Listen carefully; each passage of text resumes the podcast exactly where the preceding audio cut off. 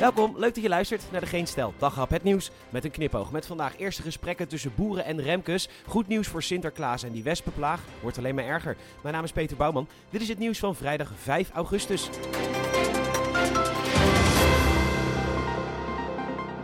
Vandaag was dan de grote dag. Een paar boerenorganisaties mochten praten met leden van het kabinet onder de bezielende leiding van onafhankelijk voorzitter Johan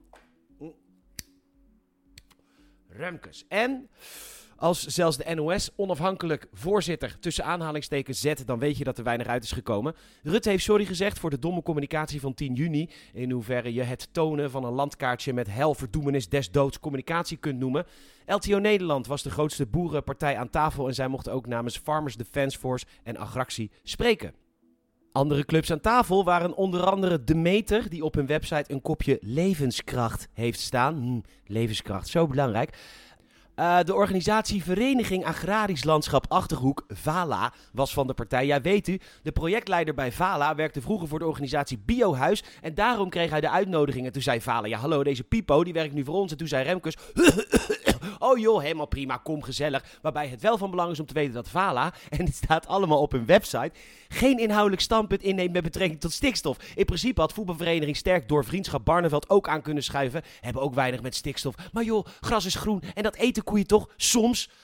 Ook de organisatie Bionext mocht aanschuiven. Een club die strijdt tegen de grote oververtegenwoordiging van vrouwen. Dierenwereld, ja weet u, koeien, geiten en kippen geven zuivel. Ja, de hoeren en de mannetjes dan, ja, die worden verwerkt en of opgegeten. En dat vindt Bionext onacceptabel. Dus de veestapel moet omlaag. En wie zit er bij Remkes aan tafel? Een club die vindt dat ook de stieren, hanen en bokken hun hele leven het land onderscheiden en onderzeiken. Zonder dat ze ooit ook maar iets produceren. Lekker productief. Slecht nieuws voor mensen die houden van chocola karamel zeezout, chocola citroen karamel, chocola framboos knettersuiker of chocola pecan crunch karamel, oftewel kutmensen. Goed nieuws voor de rest van ons, van Tony Chocoloni zou geen chocoladeletters maken met Sinterklaas vanwege een salmonella besmetting in een fabriek. En dat is goed nieuws, niet omdat ze boeren een eerlijke prijs geven, want serieus Nestlé gaat het ook eens doen, maar alles wat bij Tony gebeurt, gebeurt belerend. Afgelopen december nog brachten ze een adventkalender op de markt en in één dag zat geen chocolade.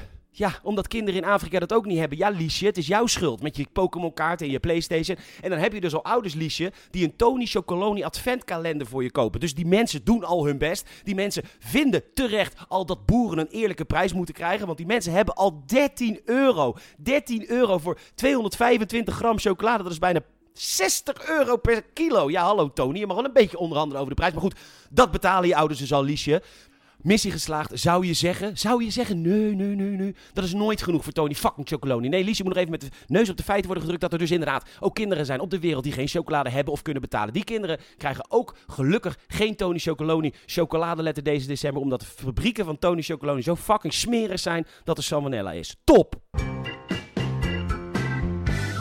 Even over wespen. Ik zat deze week in een hutje op de hei. En het is echt al een plaag. Het is echt niet leuk meer. En volgens een bioloog bij het AD het nog maar het begin. Want veel nesten moeten nog uitkomen. Maar wespen zijn ook goed hoor, wordt er dan direct gezegd. Want die, die eten namelijk ook andere insecten zoals vliegen. Ja, laten we alle werknemers van het leger des heils, je weet wel, gewoon mensen, ze, ze ruiken een beetje, maar verder gewoon mensen, laten we ze allemaal vervangen door Adolf Hitlers. Ja, dan heb je ook geen last meer van mensen van het leger des heils. Nuttig. Bedankt voor het luisteren. Je zal ons enorm helpen als je een vriend of vriendin vertelt over deze podcast. Je kan ons ook een Apple Podcast review geven. Gun ons dat 5 sterren alsjeblieft. En dat kan ook via Spotify. Komen wij hoger in al die lijstjes. Bedankt voor het luisteren. Tot morgen.